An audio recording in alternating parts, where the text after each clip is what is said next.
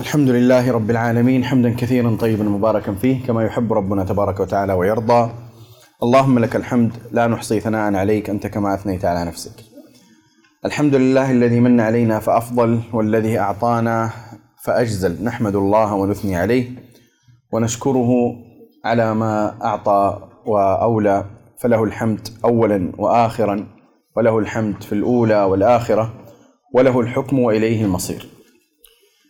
ثم نسأله سبحانه أن يصلي ويسلم على عبده ورسوله محمد وأن يديم علينا نعمة الاتصال بسنته وهديه وسيرته والاقتداء به عليه صلاة الله وسلامه. وأن لا يجعلنا وأن لا يجعلنا ممن يستبدل سنته وسيرته وهديه بغير ذلك من الهدي وغير ذلك من السنة وغير ذلك من السيرة. هذا هو اللقاء العشرون من لقاءات هذه السلسلة ونسأل الله سبحانه وتعالى التوفيق والتسديد والبركة.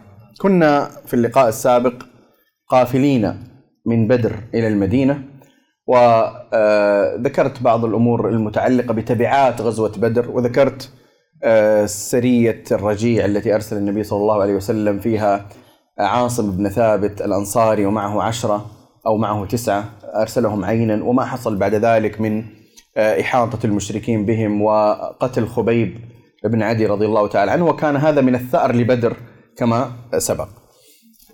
طيب هل تصدقون أن النبي صلى الله عليه وسلم لما رجع من بدر رجع من بدر ذلك الحدث الضخم الكبير الهائل ها؟ وكان في نفس ذلك الوقت كان هناك حدث خطير آخر وهو وفاة ابنة النبي صلى الله عليه وسلم. يعني تعرفوا آه الآن إذا في أحد يفقد ابنته أو ابنه هذا يعتبر حدث من أحداث الحياة الكبيرة أليس كذلك؟ يعني أنه في سنة كذا مات ابن فلان مثلا. هذه هذا حدث كبير يعني. هذا حدث ما ينساه الإنسان طول عمره. النبي صلى الله عليه وسلم الآن كان عنده حدثان في نفس الوقت مختلفان من حيث الجهة. حدث فيه النصر والتمكين ومعركة بدر والفرقان وحدث آخر اجتماعي في المدينة وهو وفاة ابنته رقية زوجة عثمان رضي الله تعالى عنهما. تخيلوا أول ما وصل النبي صلى الله عليه وسلم المدينة بعد سبعة أيام خرج في غزوة. بعد بعد سبعة أيام خرج في غزوة. يعني أنا أبغاكم بس تستوعبوا القضية الآن. يعني الآن الرجوع من بدر بدر هو مو مو خروج عادي. أنتم عارفين بدر. تمام؟ يعني بدر يمكن بس الواحد يجلس بعدها خمسة شهور بس يتكلم عنه. ما يسوي شيء ثاني فاهم؟ إنه يوم بدر صار بدر بدر كذا شفتوا أبو جهل؟ هذا هذا بس خمسة شهور تمام؟ فالنبي صلى الله عليه وسلم رجع وكمان وجد ابنته قد توفيت. بعد سبعة أيام كما يقول أهل السير خرج النبي صلى الله عليه وسلم في غزوة بني سليم. هذه الغزوة سمع النبي صلى الله عليه وسلم كما يروى عن بعض التحركات. وهذا أيضا مرة أخرى أمر لافت للانتباه، مقدار مراقبة ومتابعة النبي صلى الله عليه وسلم لتحركات الأعداء. شيء غريب وواضح. فسمع النبي صلى الله عليه وسلم تلك عن تلك التحركات ثم خرج إلى بني سليم وكانوا في موضع شرق المدينة. الآن يعني خلينا نقول يمكن يبعد ما بين 80 إلى 100 120 كيلو بهالحدود تقريبا. اللي يعرف يعني برضه في الطريق مرة أخرى جهة طريق الحناكية من المدينة إلى الحناكية في طريق معروف طريق القصيم على اليمين في منطقة مفتوحة واسعة. تلك المنطقة توجه إليها النبي صلى الله عليه وسلم وتعرف بقرقرة الكدر. قرقرة الكدر. وأحيانا ترى تجدوها في كتب السيرة غزوة قرقرة الكدر أصلاً. باسم المنطقة وأحيانا منسوبة إلى القبيلة اللي هي بني سليم خرج النبي صلى الله عليه وسلم إليهم بعد ما سمع بتحركاتهم. لما خرج وشافوا الجد هربوا إلى الجبال توزعوا تفرقوا ما وجد النبي صلى الله عليه وسلم أحدا رجع إلى المدينة. كان هذا في شوال غزوة بدر في رمضان هذا في شوال. آه بعدها بيسير يعني بعد شهرين تقريبا أتى أبو سفيان انتقاما وكان قد حلف أنا أن لا يمس ماء من جنابة حتى ينتقم من النبي صلى الله عليه وسلم ومن أصحابه. دخل النبي دخل أبو سفيان المدينة معه خلينا نقول كتيبة ولا سرية كذا صغيرة ودخل من الخلف وكان له تنسيق مع اليهود نزل عند أحد اليهود ثم بعد ذلك أغار على واحد من المزارع في شرق المدينة. قتل رجلا من الأنصار وآخر معه وأحرق مجموعة من النخل وهرب. أول ما هرب هو والكتيبه التي معه بلغ الخبر للنبي صلى الله عليه وسلم ومباشرة جهز وخرج في إثره سريعا. هذه هذه أيضا تحسب في كتب السير غزوة لأن النبي صلى الله عليه وسلم خرج فيها بالجيش وبالسلاح وخرج للقتال. هذه كانت سريعة جدا في حركتها. يعني هي أصلا تعرف بغزوة إيش؟ تعرف في كتب السيرة بغزوة السويق. غزوه السويق. ليش تعرف بغزوة السويق؟ ها؟ لا ما سرقوا السويق. هي الفكرة إنه المشركين كانوا راجعين بسرعة أبو سفيان عشان ينطلقوا بسرعة كانوا يتخففون من الزاد. وأكثر زاد كان معهم السويق. جيد؟ فكانوا يرمون وفي الطريق يرمون حتى ما يثقل بهم السير لأنه كانوا يريدون الفرار. وهي أصلا ما كانت قضية معركة بالنسبة لهم. هي هي الفكرة كانت رد اعتبار. بالنسبة لأبو سفيان رد اعتبار. إنه إحنا انكسرنا في بدر والله والله ما أدري إيش إلين ما أسوي شيء. جيد؟ فهي كانت الفكرة كذا. فراح وقتل رجل من الأنصار وكذا وأحرق مجموعة من النخل ورجع هاربا. مباشرة فطن به النبي صلى الله عليه وسلم خرج في إثره آه لم يدركه النبي صلى الله عليه وسلم فلت لكن أخذوا السويق الكثير الذي ألقوه ولذلك سميت غزوة السويق. لاحظوا إحنا الآن نتكلم في غضون شهرين بعد بدر. أنا هنا أبغى أقف وقف. يا جماعة حياة النبي صلى الله عليه وسلم ما كان فيها فترات راحة. ما كان فيها فترات راحة. ما كان في مسافات خالية كذا آه، إنه في أوقات إجازات طويله ما في. يعني حياة النبي صلى الله عليه وسلم كانت مليئة. ولاحظوا إحنا الآن نتكلم عن سياق الغزوات والأحداث الكبيرة. على الوسط الداخلي أيضا ما كان فيه فراغ. ليش ما كان في فراغ؟ كان القرآن يتنزل. والنبي صلى الله عليه وسلم حين يتنزل عليه القرآن ماذا يفعل؟ يبلغه ويتلوه على أصحابه ويعلمهم القرآن ويربيهم ويزكيهم ويعلمهم الأخلاق. وكان يجلس مع هذا ويستمع إلى هذا ويذهب إلى ذاك. وكان بالمناسبة ترى النبي صلى الله عليه وسلم من الناحية الاجتماعية أهل المدينة كانوا يعتبرونه الأساس في كل شيء في الأمور الاجتماعية الأساسية، يعني واحد عنده زواج يا رسول الله ممكن تحضر زواجي؟ آه الأطفال آه، ولد لفلان. دائما تجدون في كتب الصحيح ولد فلان لفلان من الأنصار غلام. فذهب به إلى النبي صلى الله عليه وسلم ليحنكه. جيد؟ يعني يمضغ التمره ويضعها في فيه. وفلان آه، توفي مثلا توفيت ابن ابنة كذا ابن فلان. خاصة يعني المشهور مثلا لما توفي ابن آه، أو ابنة ابنة النبي صلى الله عليه وسلم. وفلان مريض يعوده النبي صلى الله عليه وسلم وأحيانا يحصل خلافات بين المسلمين كما في البخاري ذهب النبي صلى الله عليه وسلم إلى بني عمرو بن عوف ليصلح بينهم. ليصلح بينهم حصلت بينهم مشكلة. هذه الآن أحداث هي لم تكن لها سنوات خاصة. هذه كانت وين؟ كانت في نفس هذه السنوات اللي فيها الغزوات. فهمتوا الفكرة؟ فلا يجب بالكم وإحنا نتكلم عن غزوة كذا ثم غزوة كذا ثم غزوة كذا إنه ما كان في إلا الغزوات. لا هو في نفس الوقت كان في أمور كثيرة. طيب في نفس الوقت إيش كان في أيضا؟ كان هناك من حول المدينة من الأعراب يأتون يا رسول الله هل أنت رسول من الله؟ فيقول نعم. طب بماذا أرسلك الله؟ فيقول بكذا وكذا وكذا. والله ما, ما في إلا هذا؟ والله ما أزيد على هذا ولا أنقص. وينصرف. فكانت القضية أنه ما في لحظات هدوء. كانت المدينة ممتلئة بالأحداث ممتلئة بالعلم ممتلئة بالنور ممتلئة بالإيمان ممتلئة بالتيقظ والتربص والانتباه لأنه هذا الآن من الجهة التعليمية بس من الجهة العسكرية ما كان في راحة ما كان في راحة كان في تتبع و, و يعني إحنا ترى اللي نقرأه في السيرة إنه مثلا بلغ النبي صلى الله عليه وسلم أن القوم يجمعون صح؟ أنتم عارفين إنه هذه لما تيجي تفككها ترى فيها قصة يعني كيف بلغوا؟ بلغوا معناه أنه كان في استعداد سابق صح ولا لا؟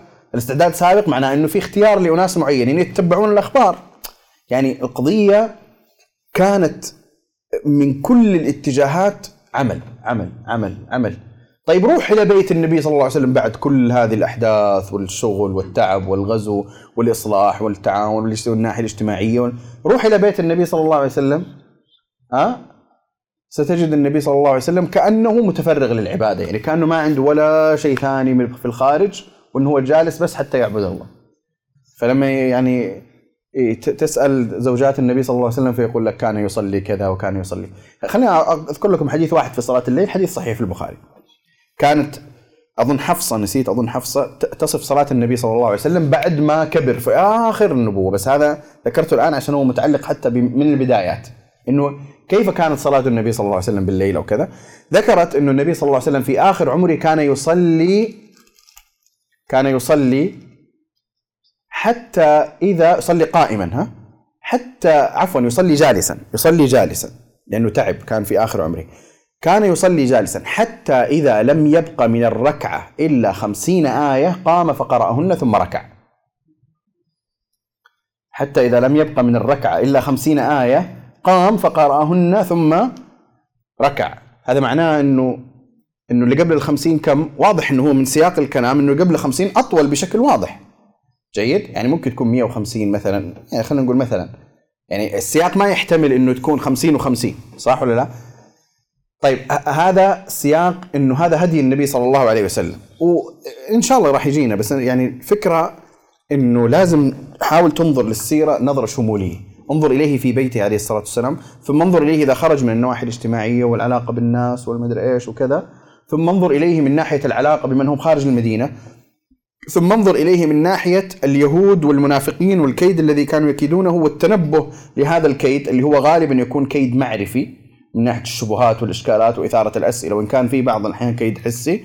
ثم انظر إليه من ناحية العدو الأساسي الخصم الرقم واحد اللي هم قريش. ورصد التحركات ثم بعد ذلك صار هناك تحركات من العرب وليس فقط من قريش مثل هذه اللي هي بني سليم اللي هي قرقرة الكدر اللي هي من من قوم آخر غير قريش تحرك آخر. وبعدها بقليل كانت في غزوة غطفان. غطفان قوم آخرون غير قريش. إذا صار في تحرك من المشركين غير قريش. هذا كله كان على كاهلي النبي صلى الله عليه وسلم. كله كان على كاهلي النبي صلى الله عليه وسلم. فالذي يتأمل يعني من أهم الفوائد خاصة بالنسبة لمن يسير يعني من المصلحين على هدي النبي صلى الله صلى الله عليه وسلم لابد أن يدرك أنه الحياة لمن يريد أن يتبع الأنبياء لا ينبغي لا تكون حياة كسولة ولا حياة متراخية ولا حياة على نظام الدوامات المؤسسية. جيد؟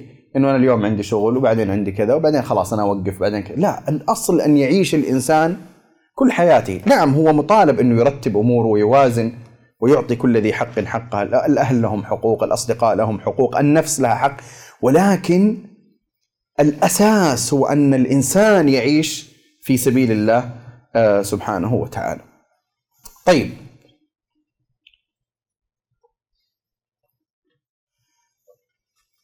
وين وصلنا في التسلسل؟ بني سليم بعدين؟ السويق. جيد. طيب. بعد ذلك طبعا بني سليم والسويق والسويق كلها كانت خارج المدينة إنه السويق كانت في التلاحق لحاق المشركين. طيب نرجع الآن داخل المدينة. في جنوب المدينة كان هناك ثلاثة أصناف من اليهود اللي هم بنو قينقاع وبنو النضير وبنو قريظة. وأماكنهم معروفة الآن كلها. جيد. آه، أكثر مكان بقيت فيه آه، يعني معالم هو بنو بني قريظة آه، ثم بنو النضير مكانهم معروف وإن كان لم يبقى معالم. يعني مكان بني قريظة الآن بني النضير الذي حصل فيه المعركة في حوش الآن وفي مزرعة ما في ما في شيء يعني إيش معلم واضح. وكذلك بني قينقاع. بنو قينقاع أقرب منطقة الآن داخل المدينة تعتبر وبنو النضير تعتبر أيضا داخل المدينة لكن في طرفها. وأنا أقول لكم مكان وين ولا نفس الشيء ما ما يفرق. قريب من مستشفى الدار اللي يعني مستشفى الدار. طيب هذا بنو النضير بعدين بني قريظة كمان آه، آه، أبعد شوية. ها؟ لا لا لا بنو كلهم في المدينة كلهم في المدينة. أقرب شيء بنو قينقاع وأول شيء اتصل بهم النبي صلى الله عليه وسلم اتصال عسكري هم بنو قينقاع. واختلف العلماء أهل السير إيش اللي حصل بالضبط من بني قينقاع. يعني ليش صارت أصلا إنه النبي صلى الله عليه وسلم تحرك لهم بالجيش هم داخل المدينة؟ بعضهم قال إنه آه بعد ما رجع النبي صلى الله عليه وسلم من بدر تكلمهم إنه يعني يعني آه، زي ما تقول انتبهوا كذا ترى يعني ما حصل لبدر ممكن أن يحصل لكم. فيروي أهل السير إنهم قالوا آه وحتى هذا مروي في بعض كتب السنن يعني إنه قالوا يعني يا محمد أنت إنما لقيت قوما لا خبرة لهم بالحرب وما أدري إيش ولو لقيتنا لفعلنا أدري إيش سوينا وكذا.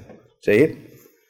آه هذه رواية إنه كانت هي سبب الحرب ورواية أخرى إنه وقد يكون أصلا اجتمعت هذه الأمور كلها. إن القصة المشهورة في المرأة إنه مرأة ذهبت إلى سوق بني قينقاع تشتري منهم فآذوها ربطوا آه يعني عباءتها بشيء ثم لما قامت انكشفت فعمد رجل من العرب أو من المسلمين فقتل اليهودي الذي فعل ذلك ثم اجتمع اليهود فقتلوا فثارت القضية. وأيضا في روايات في كتب السير إنه كان في مجموعة من الأنصار جالسين مع بعضهم فمر أحد من بني قينقاع وغاضه آه، اجتماع كلمة الأوس والخزرج بعدما كانوا قريبا في حرب فأرسل من يحرض بينهم وحرض بينهم وبالفعل ثارت القضية وصارت بين المشكلات، المهم أنه كان هناك مجموعة من التحركات. وحتى بعض العلماء قالوا إنه النبي صلى الله عليه وسلم لمس منهم يعني مجموعة تصرفات وقد قال الله له في سورة الأنفال نزلت بعد بدر وإما تخافن من قوم خيانة في إيش فانبذ إليهم على سواء. يعني إذا كان بينك وبين أحد عهد من المشركين ثم خفت منه خيانة فلا تذهب تغزوه مباشرة. طبعا ما خان الآن بس إنه إيش؟ في في تخوف في شيء واضح في تصرفات في كذا فانبذ إليهم على سواء. قل لهم ما بيننا انتهى من العهد. فانبذ إليهم على سواء. جيد؟ فبعضهم قال إنه النبي صلى الله عليه وسلم فعل هذا. على كل حال كان هناك مجموعة من التصرفات من بني قينقاع استوجبت على النبي صلى الله عليه وسلم أن يتحرك إليهم. تحرك النبي صلى الله عليه وسلم إليهم وأحدق بهم وأحاط ثم استطاع أن يمسك برجالهم ما ما ما قاوموا. آه، وأراد النبي صلى الله عليه وسلم أن يعمل فيهم أن أن أن يقتل يقتل المحاربين منهم كما فعل بعد ذلك في بني قريظة. فجاء عبد الله بن أبي بن سلول وكانوا حلفائه الاساسيين هؤلاء. فجاء عبد الله بن أبي بن سلول وقال آه، خلهم لي. وأمسك بدرع النبي صلى الله عليه وسلم. أمسك كذا يعني أدخل يده في جيب النبي صلى الله عليه وسلم في خلف الدرع. فقال خلهم لي. فالنبي صلى الله عليه وسلم يقول إليك عني؟ ويقول خلهم لي. 400 400 دارع و300 حاسر تقتلهم في غداة واحدة. خلهم لي. حموني من الأبيض والأحمر. خلهم لي. والنبي صلى الله عليه وسلم يقول إليك عني؟ ويقول والله ما أتركك حتى معنى الكلام يعني ما أتركك الين ما تخليهم لي. فقال النبي صلى الله عليه وسلم هم لك. هم لك يعني النبي صلى الله عليه وسلم تجاوز عن قضية قتلهم وأجلاهم. كانوا أول من أجلي من المدينة هم يهود بنو قين قينقاع. هذا طبعا عبد الله بن أبي كان تو إيش؟ كان تو أعلن إسلامه بعد بدر. تو دخل في الصورة الظاهرة للإسلام وهو رأس المنافقين. طبعا قبل ذلك كان من سادات أو كان من ستجتمع عليه المدينة. شخص آخر يروى أيضا أنه كان من حلفاء بني قينقاع ولما حصل منهم هذا الموقف راح بعكس عبد الله بن أبي سلول إلى النبي صلى الله عليه وسلم فقال يا رسول الله ما بيني وبينهم شيء والحلف اللي بيني وبينهم انتهى ولا يعني كأنه يقول يا رسول الله أنا معك لا تحمل همي في ما كان بيننا اللي هو عبادة ابن الصامت رضي الله تعالى عنه وسبق أن تحدثت عنه في لقاء من اللقاءات السابقة. طيب إيش السوره اللي نزلت في الحديث عن بني النضير وليس بني قينقاع؟ سورة الحشر. في البخاري أظن ابن عباس يقول هي سورة النضير يسميها سورة النضير. وهذه ترى كانت كان أمر معروف سابقا عند الصحابة. أحيانا يسمون السورة بغير الاسم المشهور بناء على يعني خلينا نقول نوع موضوع أساسي في السورة أو شيء. ها؟ كما سورة محمد تسمى سورة قتال. وروي بعضهم يسمي سورة النحل سورة النعم. هنا سورة آه، الحشر ابن عباس يقول سورة النظير. نزلت في حادثة النظير التي ستأتينا إن شاء الله. لكن فيها آية حملها بعض المفسرين ومنهم ابن كثير على بني قينقاع. مين يقدر يقول إيش هي الآية؟ في سورة الحشر. خطاب واضح فيها كان لليهود في جزء منها كان لليهود. عن اليهود. طبعا في البداية وفي بعدين كذلك. مين يجيب الآية؟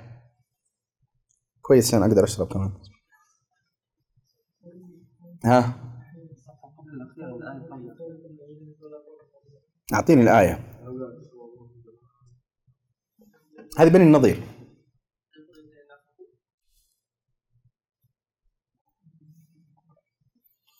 ها؟ أنت قربت صح بس جيب الآية. طيب كمثل الذين من قبلهم قريبا ذاقوا وبال أمرهم الحديث كان عن اليهود صح؟ ثم قال الله فيها كمثل الذين من قبلهم قريبا ذاقوا وبال أمرهم حملها بعض المفسرين ومنهم من كثير على من؟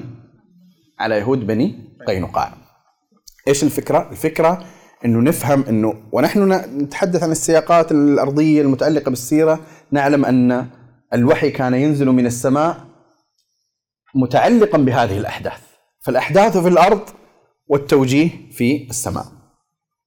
طيب آه نظرا لأن هناك خلافا مشهورا بين العلماء في متى كانت حادثة بني النضير. هل كانت الآن في الوقت اللي إحنا واصلين فيه أم كانت بعد أحد؟ فسأؤجل الحديث فيها إلى ما بعد أحد بإذن الله تعالى. والخلاف مشهور جدا. ابن إسحاق صاحب السيرة يرجح أنها كانت بعد أحد. والإمام البخاري كان يرجح أنها في هذا الوقت ساؤجلها إن شاء الله لما بعد أحد الآن ننتقل إلى بدايات ما يتعلق بغزوة أحد التي كانت في السنة الثالثة للهجرة. إحنا نتحدث عن يعني ما في وقت بين ما في وقت بين الغزوتين بين غزوة بدر وبين غزوة أحد سنة. سنة هذه السنة تمر سريعا، هذه السنة طبعا كانت مليئة بالأحداث والأمور كثيرة، طبعا لا تنسوا أنه في تلك السنة اللي هي السنة الثانية فرض إيش؟ فرض الصيام وفرضت الزكاة وكذلك آه، حصلت مجموعة من الأحداث الاجتماعية كما قلت تزوج علي رضي الله تعالى عنه بفاطمة توفيت رقية ابنة النبي صلى الله عليه وسلم. وحصلت أيضا بعض السرايا. إن شاء الله ممكن أشير لها في اللقاء القادم. لكن الآن نريد أن نبدأ بما يتعلق بأحد. أحد حدث من الأحداث التي كان لها في القرآن شأن مفصل. ودائما الأحداث التي لها شأن مفصل في القرآن فهذا دليل يدل على أهميتها في السيرة النبوية أليس كذلك؟ يعني سورة الأنفال نزلت عن بدر. اذا بدر قضية مهمة نزلت فيها سورة كاملة. غزوة تبوك وما حصل فيها نزلت فيها آيات من التوبة.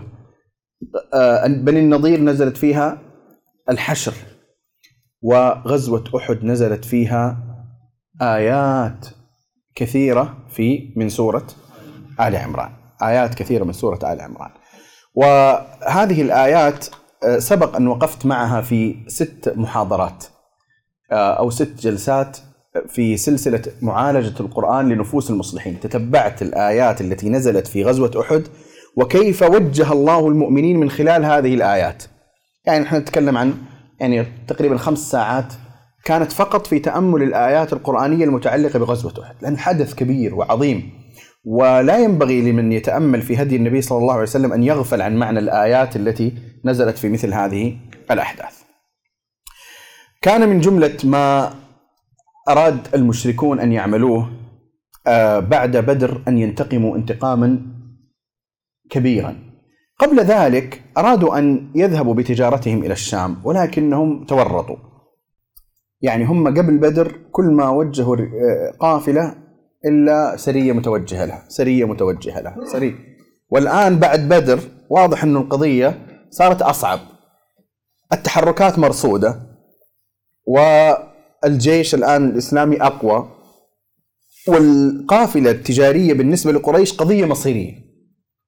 ومما يدل على ذلك أن الله سبحانه وتعالى حتى ذكرها في القرآن رحلة الشتاء والصيف. هذه قضية مصيرية عند قريش هذا اقتصاد. تعرفوا أي كيان لابد له اقتصاد؟ هذا اقتصاد الآن اقتصاد قريش. طيب إيش يسووا؟ الطريق معروف طريق الساحل. جيد. ففكروا قالوا خلينا ندور لها طريق كذا من وسط الصحراء يعني عارف من, من وسط الجزيرة العربية. الساحل واضح على طول مباشرة. فأرادوا أن يسلكوا بها طريقا واستاجروا أحد الخبراء في الطرق وأرسلوا بالفعل قافلتهم إلى ذلك الطريق. سمع النبي صلى الله عليه وسلم بهذه التحركات. طبعا كيف؟ قيل قيل إنه كان أحد قريش اللي عندهم المخطط يعني إنه كان سكران وكان في مجلس السكر أحد من له ولاء للنبي صلى الله عليه وسلم فسمع منه التفاصيل فأرسل مباشرة للنبي صلى الله عليه وسلم. المهم أرسل النبي صلى الله عليه وسلم سرية بقيادة زيد بن حارثة. ولو تذكرون في البدايات أكثر واحد من الصحابة ولاه النبي صلى الله عليه وسلم قيادة سرايا زيد بن حارثة. أكثر واحد. اللي هو كان ملقب بإيش؟ حب رسول الله صلى الله عليه وسلم.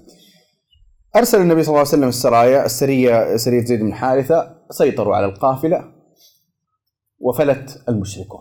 لما رجع المشركون إلى مكة قالوا الموضوع ما عاد يحتمل أكثر من كذا. ساداتهم قتلوا في بدر. قافلتهم لم يعد لها طريق. القضية إما أن يدخلوا في دين الإسلام أو يعاهدوا النبي صلى الله عليه وسلم وإما الحرب الطاحنة التي تقضي على النبي صلى الله عليه وسلم برأيه. ورجحوا الثاني. قالوا لكن إذا إحنا بنسوي شيء زي كذا لازم استعداد يليق بهذه المهمة الصعبة المعقدة وبالفعل أجروا استعدادات ضخمة وهائلة وحاولوا أن يشاركوا أو أن يشركوا معهم اناسا من الأطراف المحيطة بهم من تهامه وغيرها. وهذه المرة قالوا حتى نخرج نساءنا معنا. لأنه العرض وجود العرض يعني هذا يعني يخلي القضية استماتة من أكثر من جهة.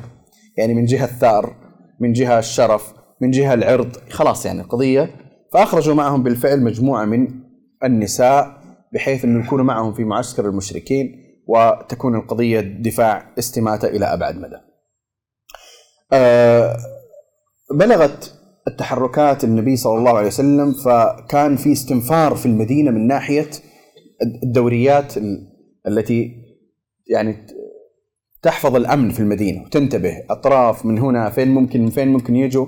كان النبي صلى الله عليه وسلم يرسل أصحابه الذين يتتبعون آه، المداخل وينتبهون للطرق التي يمكن أن يلج منها الأعداء.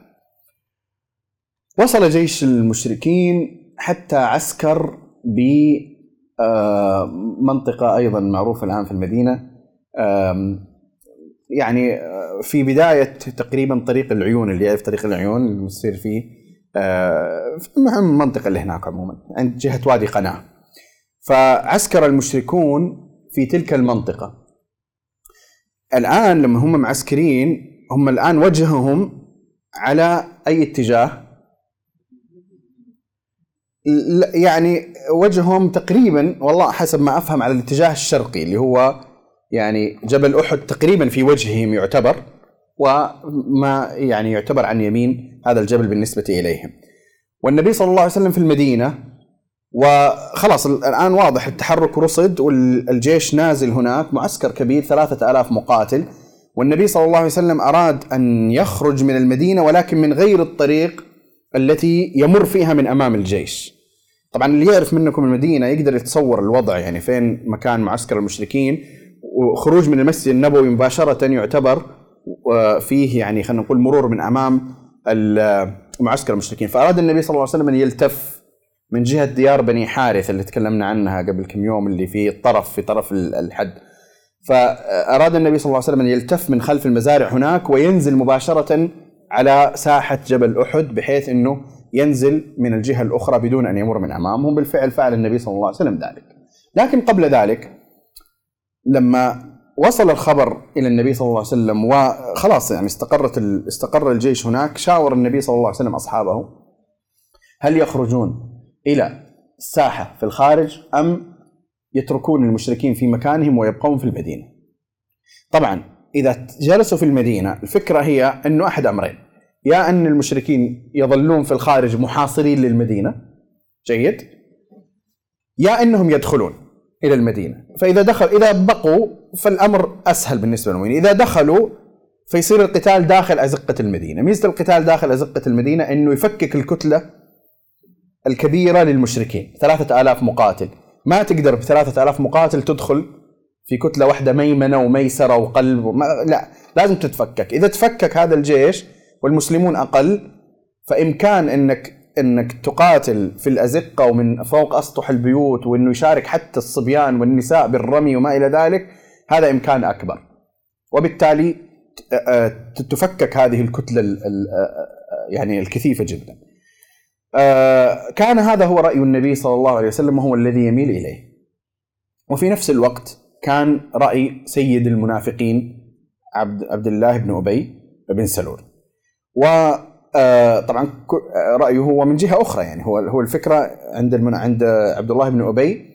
يعني بعضه بعض العلماء ذكر انه الفكرة إنه يعني لو أراد الا يشارك في القتال فامكان عدم اكتشافه وهو داخل المدينة أسهل يعني.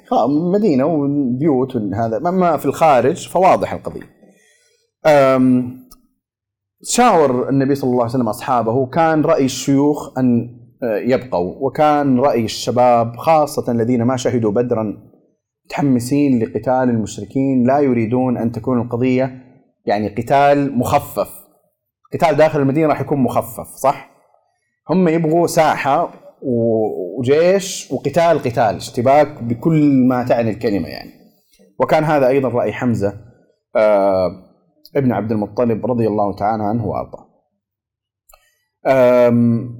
أكثر أو خلينا نقول ألح الشباب على هذا الرأي و آه، وافقهم النبي صلى الله عليه وسلم بناء على أنه رأيهم ولبس النبي صلى الله عليه وسلم لأمته وخرج. لما خرج كأنهم لاموا أنفسهم أنه يعني مو هذا هو رأي النبي صلى الله عليه وسلم وخلينا النبي صلى الله عليه وسلم ينزل على رأينا ومو هو حاب كذا إلى آخره.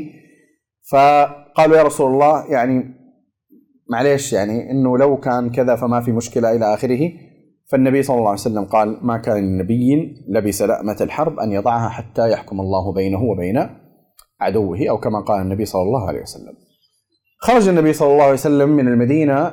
طبعا جبل أحد تعرفونه شمال المدينة. آه، جبل يحتضن المدينة جبل عريض جدا. خرج النبي صلى الله عليه وسلم من المسجد والى آه، إلى منطقة تسمى منطقة الشيخين. منطقة يعني ليست بعيدة جدا عن المسجد النبوي تقريبا في نصف المسافة تقريبا يعني في نصف المسافة بين المسجد النبوي وبين أحد. هناك عسكر النبي صلى الله عليه وسلم أول ليلة. يعني هذا مو مكان الجيش هذا مكان بس التحرك الأولي تمام؟ بات النبي صلى الله عليه وسلم هناك. و آه، استعرض الجيش الصغار أرجعهم. أيضا كان من جملة من استصغر ابن عمر اللي كان استصغر كمان في اللي كان استصغر في بدر يعني مصر لا يشارك. فأرجع أيضا في آه، أحد وشارك في الخندق. شارك في الخندق. وكان من جملة من استصغر أي أيضا مجموعة من الصحابة. يعني لو تقرؤون أسماء الصحابة الذين استصغروا وردوا أسماء من الأسماء الكبيرة. جيد؟ يعني من الأسماء الكبيرة جدا بحيث أنك تقول يعني هذول الصحابة اللي نسمع عنهم ودائما يروون الأحاديث هم ذول اللي استصغروا الصغار كانوا. يعني زيد بن أرقم رافع بن خديج مثلا آه، زيد بن ثابت إلى آخره. هذول كلهم استصغروا. جيد. يروى في السيرة أنهم استصغروا في تلك الغزوة. لما جاء الصباح آه، خرج النبي صلى الله عليه وسلم من ذلك المعسكر وكما قلت التف من جهة المزارع اللي هي تعتبر جهة شرقية شمالية شرقية ونزل على معسكر أحد. طبعا أكيد تعرفون شكل جبل أحد وجبل الرماة. أكثركم يعرفوا صح ولا لا؟ طيب. الفكرة أنه جبل أحد طبعا كما قلت لكم في المنطقة الشمالية جبل كبير عريض جدا. وهذا الجبل نزل النبي صلى الله عليه وسلم بينه وبين جبل الرماة جبل الرماة أمامه. آه هذا الجبل يعني بينه وبين جبل جبل أحد مسافة ليست طويلة أقل من كيلو يعني مئات المترات. فعسكر النبي صلى الله عليه وسلم في المساحة التي بين جبل أحد وبين جبل الرماة. ظهره إلى أين؟ أيوه يعتبر يعتبر ظهره إلى جبل أحد مع شيء من المزارع التي كانت في تلك المنطقة ووجهه إلى معسكر المشركين. لا جبل الرماة على يساره. جبل الرماة على اليسار تقريبا يعني وجبل أحد على اليمين وفي الخلف أيضا جبل أحد لأنه هو ملتف قليلا. ها؟ مع منطقة مكشوفة أيضا. وفي الأمام معسكر المشركين. المدينة وين صايرة؟ المدينة صايرة يسار. يعني نقدر نقول إنه الأقرب للمدينة كانوا المشركون. المشركون كانوا معسكرهم أقرب للمدينة. جيد؟ والنبي صلى الله عليه وسلم هنا. الفكرة ما هي؟ الفكرة هي الاستفادة من التضاريس لتخفيف كتلة الأعداء. أه لما يصير القضية موجهة ما تقدر تدخل إلا من الأمام فخلاص الآن واضح مواجهة من هنا. وجزء من الإشكال وجزء جزء أصلا من الحروب أو من خلينا نقول تكتيكات الحروب اللي كانت موجودة ولا تزال موجودة. يعني هي قضية الالتفاف من الخلف. جيد بحيث المباغته مباغتة العدو من الخلف. آه، إما بالإشغال من الأمام والإتيان من الخلف أو شيء. وهذه الطريقة كان من المتمرسين والمحترفين فيها في التاريخ الإسلامي إلى أبعد مدى خالد بن الوليد. خالد الوليد دائما كان جنن فيها الفرس والروم وتعبهم يعني. فكان دائما خالد الوليد يعمل هذه الطريقة يخبي جزء من الجيش وعاد بحسب. يعني أحيانا بعد ما خلاص يستنفذوا يدخلهم من وراء وإذا نزلوا هذوك ينزلوا بحماسهم إلى آخره. نفس الشيء عمله خالد بن الوليد في غزوة أحد. نفس نفس التكتيك بالضبط ولكن بعد حدث آخر ليس هو لم يكن هو التكتيك الاولي بالنسبة لخالد بن الوليد رضي الله تعالى عنه وأرضاه. وقف النبي صلى الله عليه وسلم في ذلك المكان وجه المشركين أمامه والنساء معهم في الخلف والناس يعني تغيظ صدورها بالحقد. الآن ترى نفسيات المشركين تختلف عن نفسياتهم في بدر. نفسيات المشركين في بدر إيش؟ كبر وغرور ورياء ومين هذول؟ وإحنا اللي مدري إيش واللي ما أدري إيش سوينا وعملنا في الشمس والقمر وسوينا وإلى آخره. بطروا ورياء الناس تمام؟ الان نفسياتهم غير نفسياتهم مو غرور ورياء نفسياتهم الآن جايين يبغى ينتقم انتقام. وأكيد إنه هذه النفسية في الحرب لها تأثير أكبر من النفسية الأولى. صح ولا لا؟ النفسية الأولى تؤدي إلى قدر من التهاون قدر من التراخي ها؟ أما النفسية هنا لا النفسية هنا نفسية انتقام يعني حياة أو موت. بالنسبة للمسلمين آه، أول ما خرجوا قال عبد الله بن أبي بن سلول والله أنا كان رأيي إنه إحنا نبقى في المدينة. وما دام ما سمعت رأيي أنا ما أشوف صراحة إنه هذا الوضع كويس لذلك أنا راجع. جيد؟ واصلا أصلا ما أتوقع أصلا إنه حتى يصير قتال يعني. لو كان لو كنت عارف تماما إنه في قتال كان كملت بس واضح إن القضية ما في قتال وما سمعت رأيي خليني جالس احسن لي الذين قالوا لإخوانهم وقعدوا لو أطاعونا ما قتلوا لا قبل ذلك إيش؟ وقيل لهم تعالوا قاتلوا في سبيل الله أو ادفعوا. قالوا لو نعلم قتالا لاتبعناكم. هذه في سورة آل عمران في فيما يتعلق بأحد.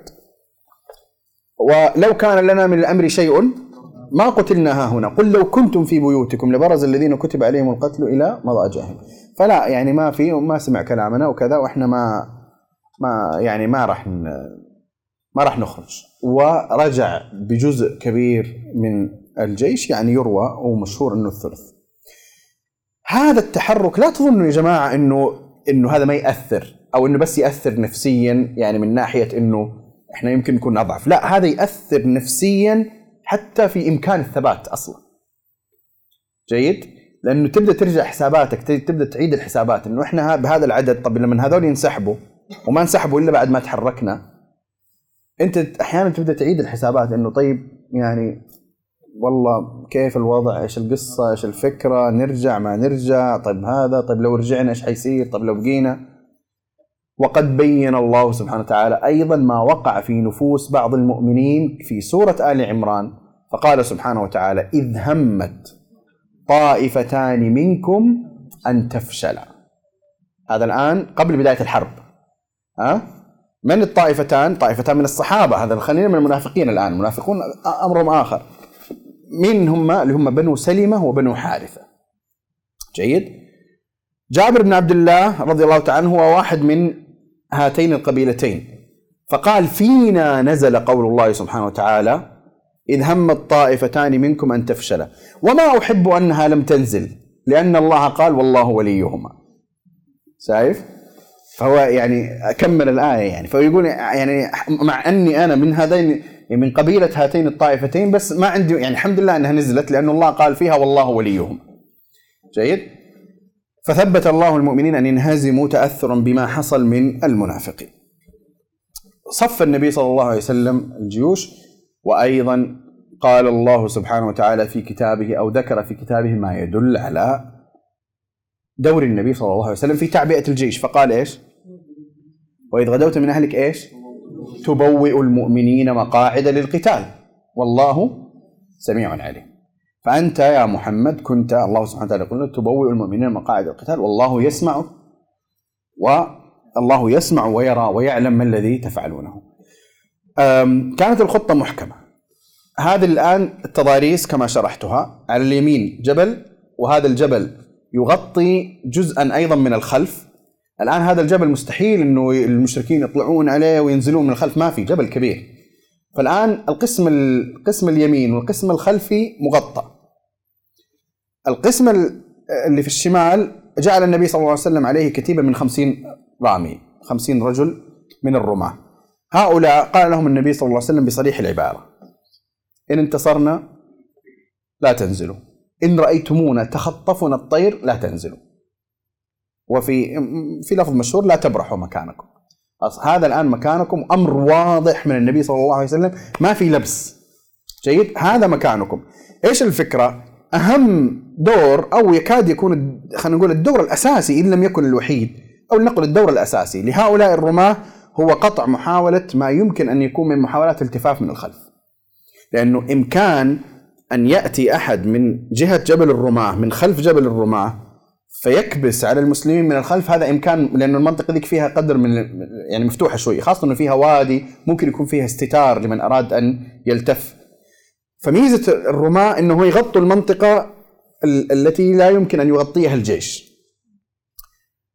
خالد بن الوليد في جيش المشركين كان معه 200 من الفرسان وكان هو قائد كتيبة الفرسان وكان آه، يعني عكرمة بن أبي جهل أيضا معه كلاهما من المقاتلين الأشداء وكانوا شباب كانوا شبابا غير كبار ولما اصطف الناس ويعني آه، تهيأ الناس لبداية القتال وصاروا أمام بعض والنبي صلى الله عليه وسلم وزع الجيش هنا والحماية من هنا وإلى آخره أعطى لواء المعركة لمصعب بن عمير رضي الله تعالى عنه كان معه اللواء.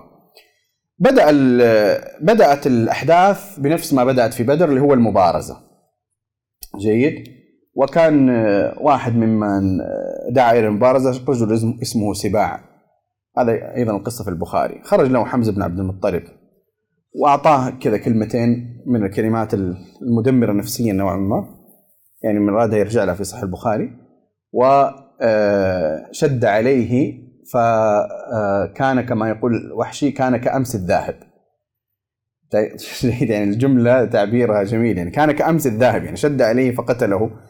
حتى حتى هناك لفظ في نسيت فين في السيرة. لفظ جميل جدا بس هذا ما يقدر يفهمه إلا اللي يعرف تعابير العرب. فلا تقولوا لي اشرحوا. جيد؟ لا تقولوا اشرحوا. الله يخليكم اللي يفهمها على طول يفهمها قال فضربه حمزة حتى كأنه أخطأ رأسه. جيد؟ عاد فكر فيها. شيء عجيب هذا يعني يعني يعني يعني شيء عجيب في في في التعبير على قوة الضربة وقوة وكيف حتى كأنه أخطأ رأسه.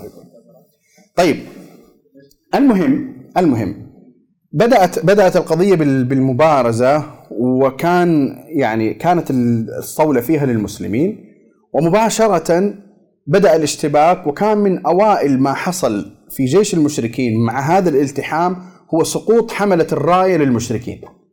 وكان أبو سفيان قال لهم إنما أوتينا يوم بدر من جهتكم أنتم حملة الراية. طبعا هم بنو عبد الدار. هذه هذه متوارثينها ترى قريش كانت بطون. كل بطن عندهم وظيفة.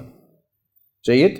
مثلا بنو شيبة اللي هم عندهم البيت وال اسمه المفتاح الكعبة وكذا إلى آخره. بالمناسبة ترى إلى الآن إلى الآن بنو شيبة من قريش هم المسؤولين هم اللي عندهم مفتاح الكعبة. إلى الآن حتى بعد بعد الأوضاع الجديدة والمتغيرات في الحياة المعاصرة.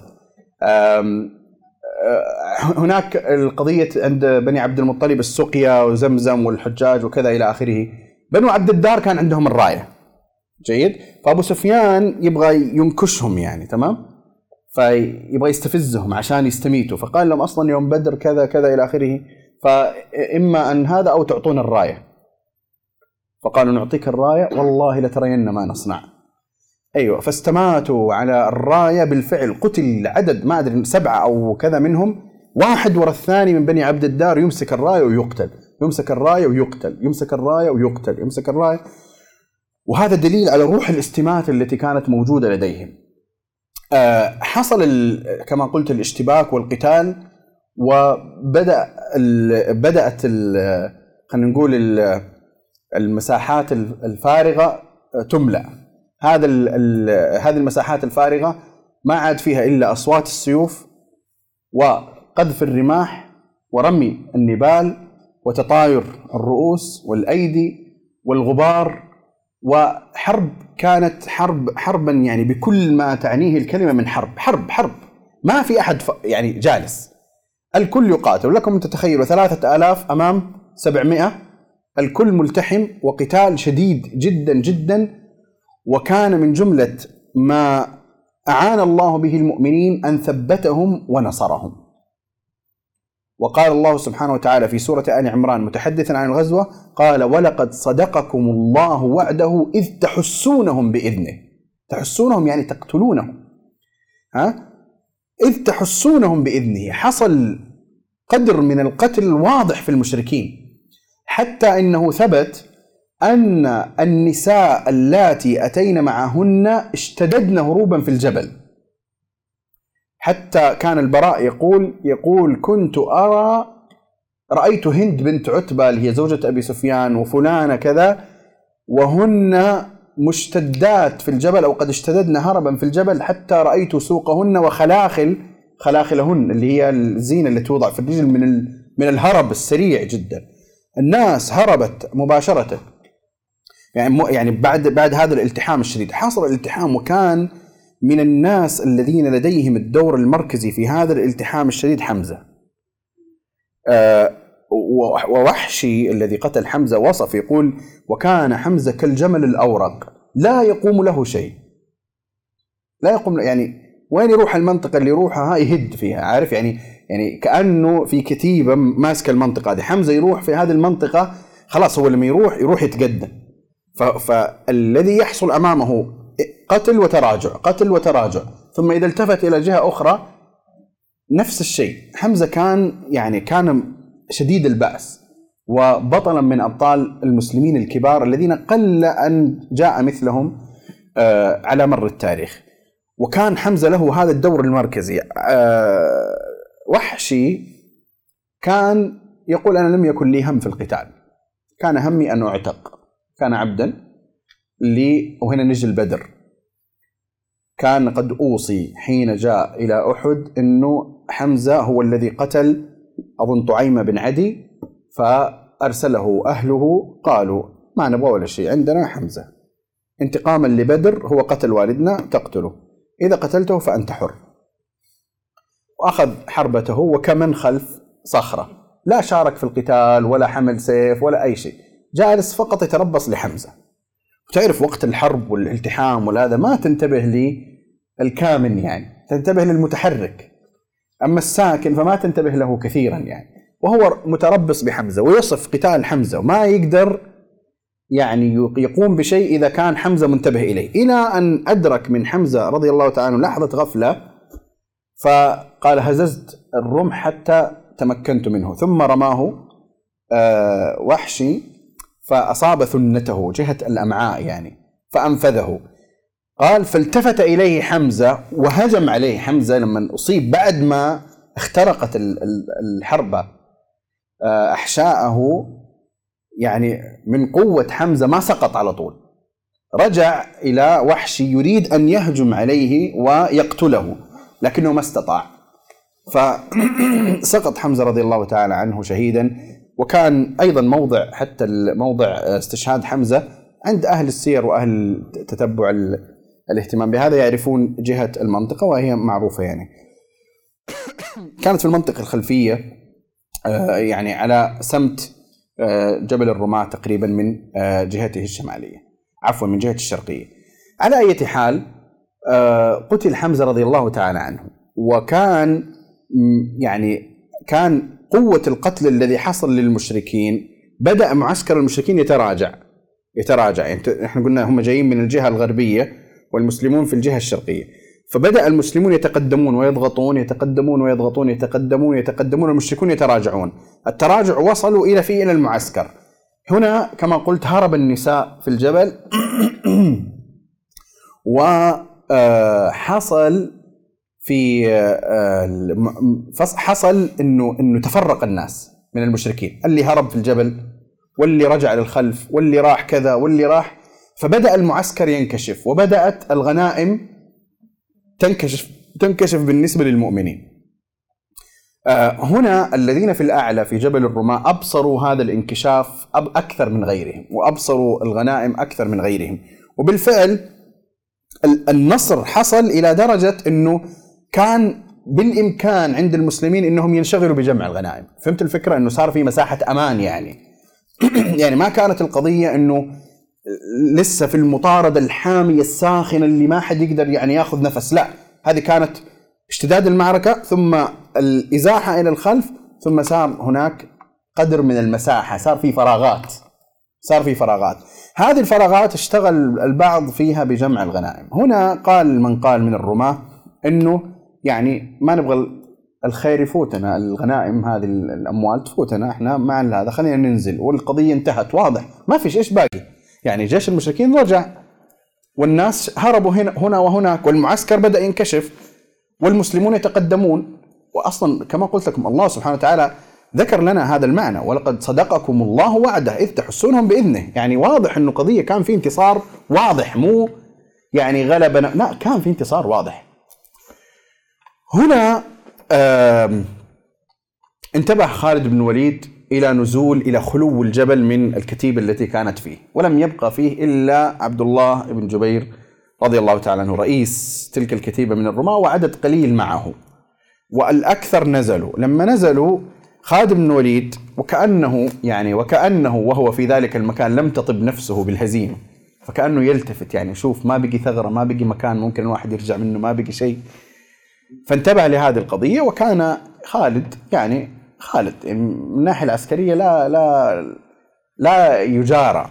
فانتبه إلى هذه يعني خلينا نقول الفراغ إلى هذا الفراغ ومباشرة كر بكتيبة الفرسان. كر بكتيبة الفرسان على جبل الرماة وصعد على الجبل وقتل عبد الله بن جبير ومن معه من أصحاب رسول الله رضي الله تعالى عنه. وهنا التف مباشرة خالد وليد طبعا إحنا وين قلنا كانوا على سمت جبل الرواة صح؟ على جبل الرماة اللي هم الصحابة. بس لما صار الهزيمة المسلمون وين؟ تقدموا. فصار جبل الرماة خلفهم. فنزل خالد وليد عليهم من الخلف ها؟ ما عاد صار فيه يعني الآن صار الجيش من من الخلف تماما يعني. والجبل الرماة ما عاد يحميهم. هنا مباشرة سمع الناس من المشركين الهاربين سمعوا الجلبة والصراخ والغبار والقتال وكذا وانتبهوا. فقامت نسيتي امرأة أم رجل مباشرة ذهب إلى الراية راية المشركين التي استمات عند بنو عبد الدار وكانت على الأرض رفعها. والراية هذه يعني هي الأساس اللي يجتمع حوله الناس. هذا عرف عندهم في القتال. فرفعت أو رفع الراية وبدأ المشركون يتنادون فيما بينهم. فلان تعال انتبه ارجع باقي بدأوا يرجعون. اللي رجعهم بقايا الثأر أيضا الذي لديهم. فبدأوا يرجعون ويتكاتفون ويتماسكون ويتداعون مرة أخرى. هذا الرجوع صار في اختلال. وهنا في رواية مهمة وهي من الأمور اللي يعني خلينا نقول تبين كيد الشيطان بالمؤمنين. آه في صحيح البخاري من حديث حذيفة أظن عن النبي صلى الله عليه وسلم. أو حذيفة نفسه يذكر أنه قال أنه الشيطان نادى ها نادى نداء حسيا صوت مسموع يعني ها إنه قال أي عباد الله أخراكم؟ قل للمسلمين. يعني كأنه اتيتم من من مؤخرة الجيش. طبعا مو جيش خالد اللي هي اللي هي آخر مسافة المؤمنين. مع الغلبة والجلبة اللي موجودة في الخلف حصل فيه آه، عدم تمييز. يعني مو بس إنه في ضغط الآن جاي من الخلف يعني هي مو الفكرة إنه بس جيش خالد جاء فانتبه المسلمون إنه في جي هذا فرجعوا يقاتلون وصارت كماشه لا صار في عدم تمييز. إيش اللي صاير؟ فاهم الفكرة؟ يعني مين هذول؟ مين إحنا؟ مين هم؟ ما يعني صارت في يعني خلينا نقول اختلال في الصفوف. وفي ذلك الموقف كما في صحيح البخاري كان حذيفة يقول للمسلمين أي عباد الله أبي أبي اليمان. فقتلوه المسلمين قتلوه.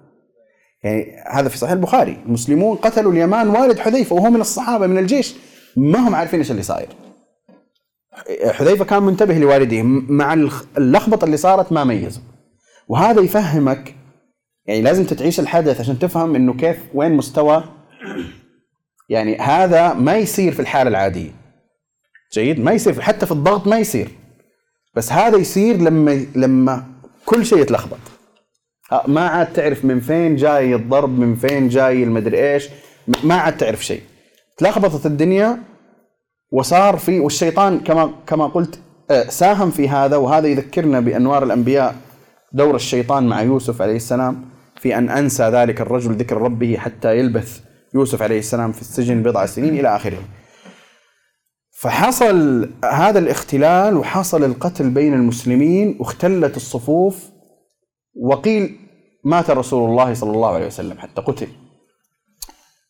هنا لا تسأل عن النفسيات لا تسأل عن الاستراتيجيات لا تسأل عن يعني كله تلخبط. الكل تلخبط. فهناك أناس حتى من خيار الصحابة وأفاضلهم ها؟ من خيار الصحابة وأفاضلهم هربوا. هربوا من الساحة. فروا ذهبوا اللي توجه للمدينة واللي راح. ما عاد يعني الواحد قادر يميز إيش اللي صاير. وهناك أناس استماتوا. وهناك أناس رأوا أين الكتلة الأساسية للمشركين وقالوا للمسلمين في أمان الله إحنا رايحين. وكان منهم أنس بن النضر رضي الله تعالى عنه وهذا أيضا في صحيح البخاري القصة. لما تقدم أول, أول شيء قال اللهم إني أعتذر إليك مما صنع هؤلاء. لما رأى شاف اختلال الصفوف واللي هرب وكذا قال اللهم إني أعتذر إليك مما صنع هؤلاء. الله وثم قال وأبرأ إليك مما صنع هؤلاء أي المشركين. ثم تقدم إلى أن أتى عند سعد بن معاذ الذي كان أيضا على سمت المشركين وجوارهم يقاتل. فقال له سعد بن معاذ احذر يا أنس القوم لا يقتطعونك. فقال أنس بن النضر وأهل لريح الجنة إني لأجدها دون أحد. ثم تقدم. تقدم خلاص دخل في الموجة موجة المشركين الكتلة هذه ودخل فيها ليس فقط قتل وإنما قتل بحيث أنه غابت ملامحه. حتى لم تعرفه كما في صحيح البخاري إلا أخته ببنانه. رضي الله تعالى عنه وأرضاه. وكان يحركه العهد مع الله سبحانه وتعالى لأنه كان قد عاهد الله قبل المعركة. بعد بدر حين غاب وتعرف بدر يعني أنت ما تقدر ترى تتصور مشاعر اللي غابوا عن بدر كيف يعني تخيل كل القضية الصراع بين الحق والباطل وبين المسلمين وقريش وبين النبي صلى الله عليه وسلم كذا وبعدين يصير في قضية إنها اعتراض للقافلة بعدين تطلع المعركة اللي هي الفرقان بين الحق والباطل وياخذوا الشرف كل الشرف الذين حازوا هذا وفي ناس ما راحوا لإيش؟ لأنه ظهرهم ما كان جاهزا أو شيء. يعني ما تقدر تتخيل الشعور. جيد؟ ورجعوا بعد وقد قتلوا أبا جهل وعتبة وشيبة والناس وكذا. فكان أنس من جملة من حزن كثيرا فقال: والله لئن الله أشهدني قتال المشركين ليرين الله ما أصنع. هذه قالها قبل أحد بعد بدر. فلما جاء بدر أو لما جاء أحد واختلت الصفوف تذكر عهده وتقدم رضي الله تعالى عنه فقاتل حتى قتل وهنا حصلت عاد كما قلت اختلال الصفوف النبي صلى الله عليه وسلم في هذا الاختلال شوفوا يا جماعة في ناس هذه نقطة مهمة ملاحظة مهمة حتى مهمة من الناحية النفسية في الطريق الإصلاحي. مهمة جدا. أه الأحداث التي تحصل الضغط الخارجي الذي يحصل ابتلاءات من الأعداء أيا كان أحيانا تؤدي إلى غياب الذهول الذهول عن المعنى الرسالي الذي يعيش لأجله الإنسان. ما ينتبه يعني يذهل الإنسان. شفت اللي يقول لك في, في الآية يوم تذهل كل مرضعة عما أرضعت؟ طيب ما في يعني أم ومرض يعني أم مرضعة ورضيع. ما يحتاج نقول إيش العلاقة بينهم صح؟ تمام؟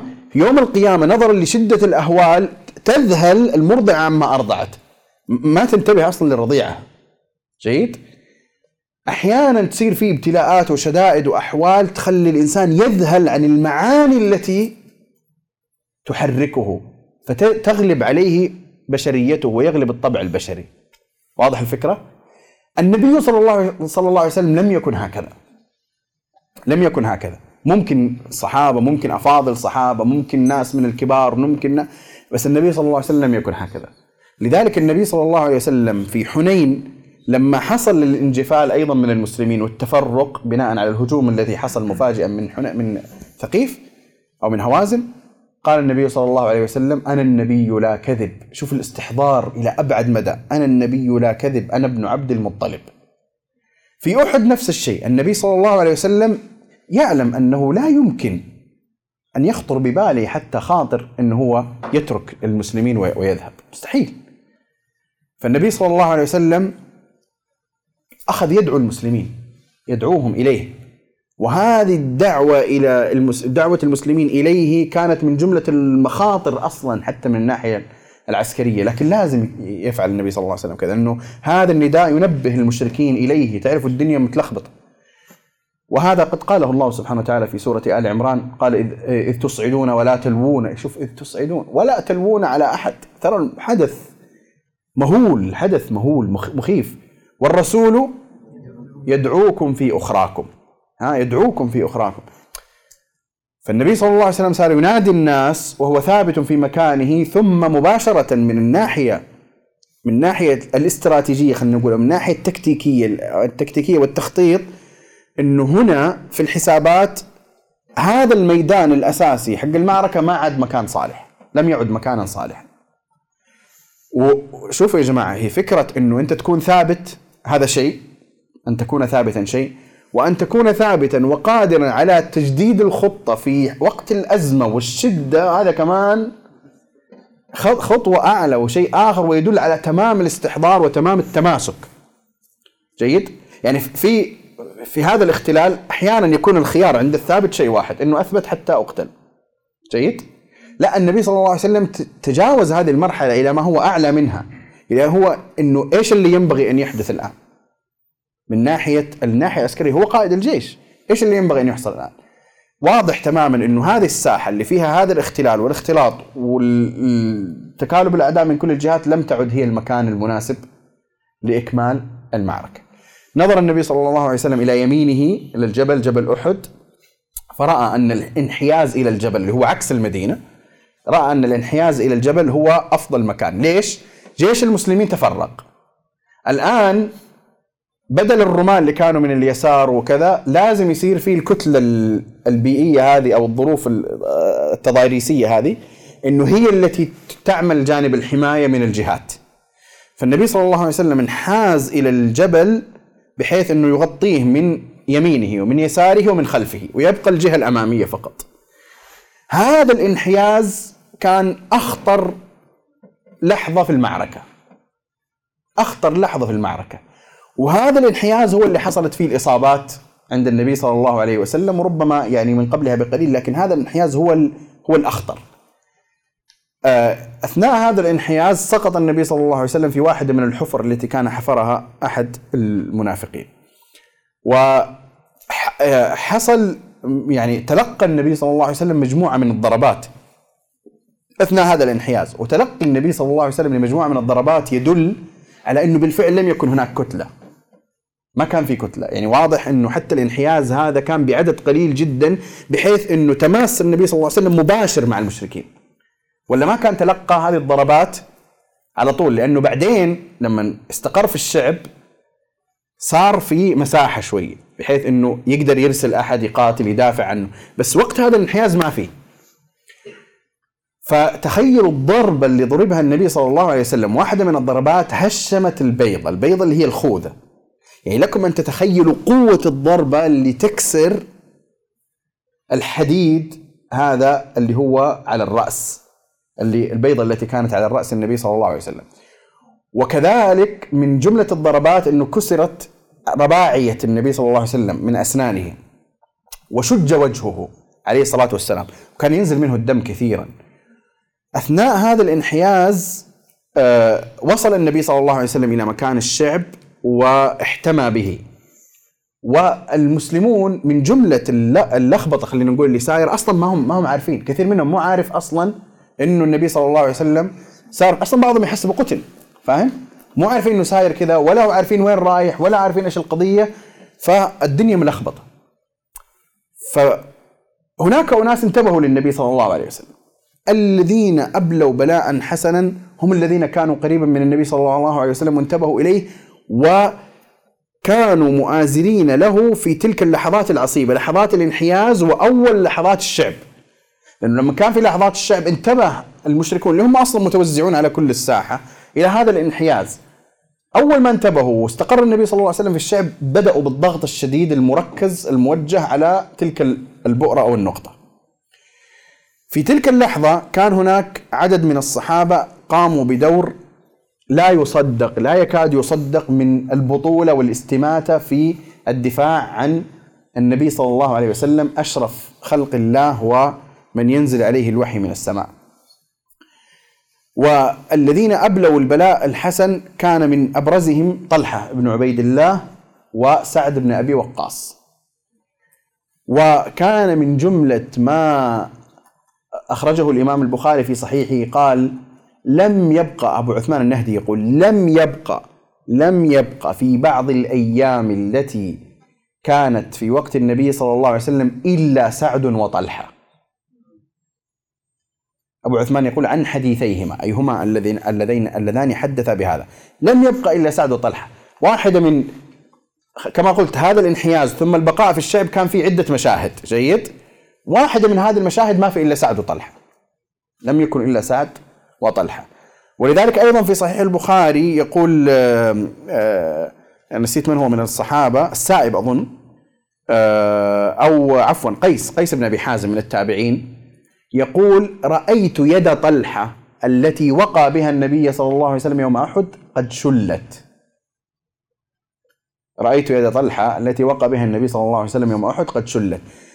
وكان بعد ما انحاز النبي صلى الله عليه وسلم كان واحد من الصحابة الذين انتبهوا وجاءوا مباشرة واستماتوا كان أبو طلحة الأنصاري غير طلحة بن عبيد الله طلحة من السابقين المهاجرين من العشر المبشرين بالجنة.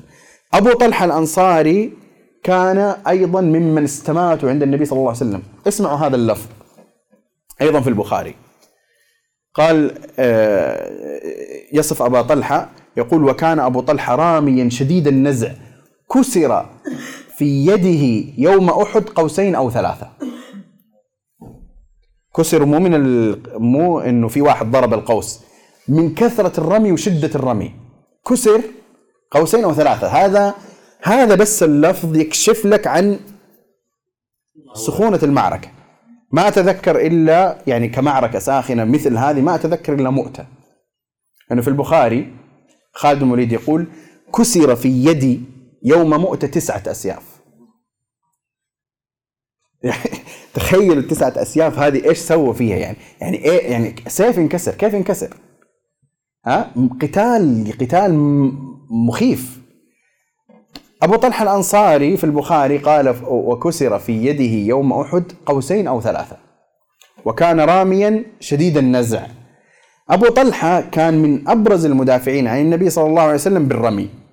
يعني جاء عند النبي صلى الله عليه وسلم وكان مو بس بالرمي كان كما أيضا في البخاري كان قال إيش إيش اللفظ كان نسيته؟ هو المهم إنه يعني أحدق بالنبي صلى الله عليه وسلم يعني يعني كأنه عمل يعني حماية حتى الجهة المكشوفة من الأمام. أبو طلحة حاول يقفل الجهة الأمام.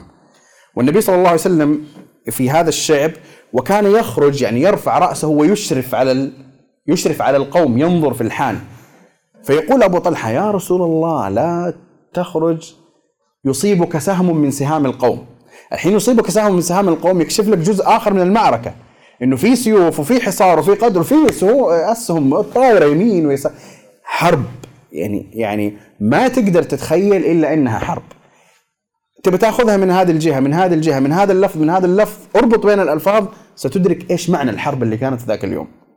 يعني أصلا بمجرد إنك تفهم إنه في مجموعة من خيار الصحابة فروا ذلك اليوم هذا بس لحاله هذا بس لحاله يعرفك قديش هي حرب. لأن أنت ما تتكلم عن مجموعة من الأبطال فقط ما تتكلم عن مجموعة من الرجال فقط أنت تتكلم عن أناس ممن فر أناس من السابقين أناس من كبار الصحابة من أفاضل الصحابة منهم عثمان رضي الله تعالى عنه حتى بعدين الخوارج استغلوا هذه القضية كما في البخاري أيضا جاء مجموعة من الخوارج لابن عمر.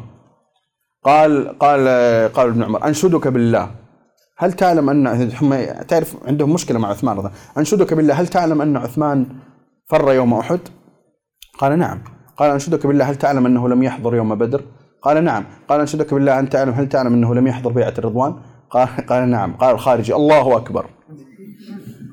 زين؟ هذا البخاري الله أكبر. يعني مبسوط. تمام؟ فقال له ابن عمر تعال أخبرك أخبرك بما جرى. أما فراره يوم أحد فقد قال الله في القرآن ولقد عفا لقد عفى الله عنهم. إن الذين تولوا منكم يوم التقى الجمعان إنما استزلهم الشيطان ببعض ما كسبوا ولقد عفى الله عنهم. الله يقول إنه عفى عنه إيش عندك؟ إيش فيه وأما يوم بدر فقد كانت ابنة النبي صلى الله عليه وسلم عنده وكانت تمرض وكان يمرضها. وقد قال النبي صلى الله عليه وسلم إن لك أجر من شهد بدرا وسهمه أو كما قال النبي صلى الله عليه وسلم. أصلا ماتت يعني ماتت وقت معركة بدر. هذا هذا اثنين. ثلاثة يعني العبيط هذاك الخارجي جيد؟ لا فعلا. أصلا ليش صارت بيعه الرضوان؟ عشان عثمان. هو عثمان راح يعني لأنه الشريف الذي أرسله النبي صلى الله عليه وسلم إلى مكة فكانت الفكرة أنه يظنون أنه قتل فصارت بيعه الرضوان عشان عثمان فهو قال له لو كان النبي صلى الله عليه وسلم يعلم رجلا يعني آه، أشرف آه، نسبا من عثمان إلى آخره معنى يعني ذكر اللفظ رضي الله تعالى عنه. الخلاصة انه المعركة كانت محتدمة أنت تبى تأخذها من جهة فرار بعض الصحابة تبى تأخذها من جهة مقتل حمزة مقتل مصعب مقتل الأبطال تبى تأخذها من جهة إنه ما عرف أحد أنس بن النضر إلا أخته عرف إلا أخته عرفته ببنانه. ما عاد في ما عاد في شيء يميز لا أنفه ولا عينه ولا شيء. تبى تأخذها من جهة إنه لا لا تخرج يصيبك سهم من سهام القوم. تبى تأخذها من جهة إنه اليمان والد حذيفة قتله المسلمون. تبى تأخذها من جهة إنه أصيب النبي صلى الله عليه وسلم في رأسه وفي وجهه وكسرت أسنانه من فين ما تقلبها إيش؟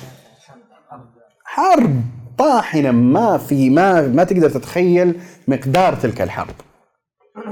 وفي ذلك الوقت كان هناك للمرأة مشاركة في هذا الحدث. كان هناك للمرأة مشاركة وقال آه قال نسيت هو البراء أظن أو من من الصحابة قال رأيت عائشة رضي الله تعالى عنها وفلان أظن أسماء بنت أبي بكر تنقذان القرب. تفرغانها تفرغانها في أفواه المسلمين. ها؟ ثم يذهبان أو تذهبان يملآن القرب. ثم ترجعان مرة أخرى يساعدوا المسلمين في قضية السقاية. وأيضا في لفظ في حديث آخر وكلها حديث صحيحة أنه كان من دور المرأة في ذلك الوقت اللي هو إيش؟ معالجة الجرحى. وأيضا مما ورد آه، كان من أدوار بعض النساء الإجهاز على بعض جرحى المشركين. وحصل موقف أيضا كما أخرجه البخاري في صحيحه موقف لطيف أنه عمر رضي الله عنه في خلافته كان أتي بمجموعة من الملابس الجميلة أظن في واحدة من الغنائم أو شيء فوزعها على نساء المدينة. آه، حتى بقي منها مرط جيد. فقيل له أعطها ابنة رسول الله التي عندك اللي هي مين؟ أم كلثوم بنت علي. أم كلثوم بنت علي ابنة ابن أبي طالب زوجة عمر كانت. طبعا أعطي الشيعة خليهم يفهموا القضية أنه ترى عمر كان متزوج بنت علي. علي زوج عمر ابنة ابنته. تمام؟ فهمهم العلاقة بين عمر وعلي رضي الله تعالى عنهم يلعنون أو منهم من يلعن عمر رضي الله تعالى عنه. المهم فقالوا لعمر أم أعطها ابنة النبي صلى الله عليه وسلم التي عندك. فقال عمر أم سليط أحق. قال وكانت أم سليط امرأة قال هو عمر وأم سليط امرأة من الأنصار كانت تزفر لنا القرب يوم أحد. شوف شوف شوف الذاكرة إيش بقي فيها. ها؟ قال كانت تزفر لنا القرب يوم أحد تملأ القرب. هذا كان من دور النساء في مؤازرة الرجال في ذلك اليوم العصيب. هو مو مؤازرة النساء إنه هو جالسين في بيوتهم وجالسين يخيطوا بعض الشغلات. هم جايين في طرف المعركة المحتدمة اللي فيها الدنيا مولعة يعني. جيد؟ كان لهم قدر صحيح إنه ليس من دور المرأة أن تحمل السيف وأن تقف في الصف ليس هذا دورها لكن كان دورها في هذا الإسناد اللي هو مهم جدا بالنسبة لي آه الجيش.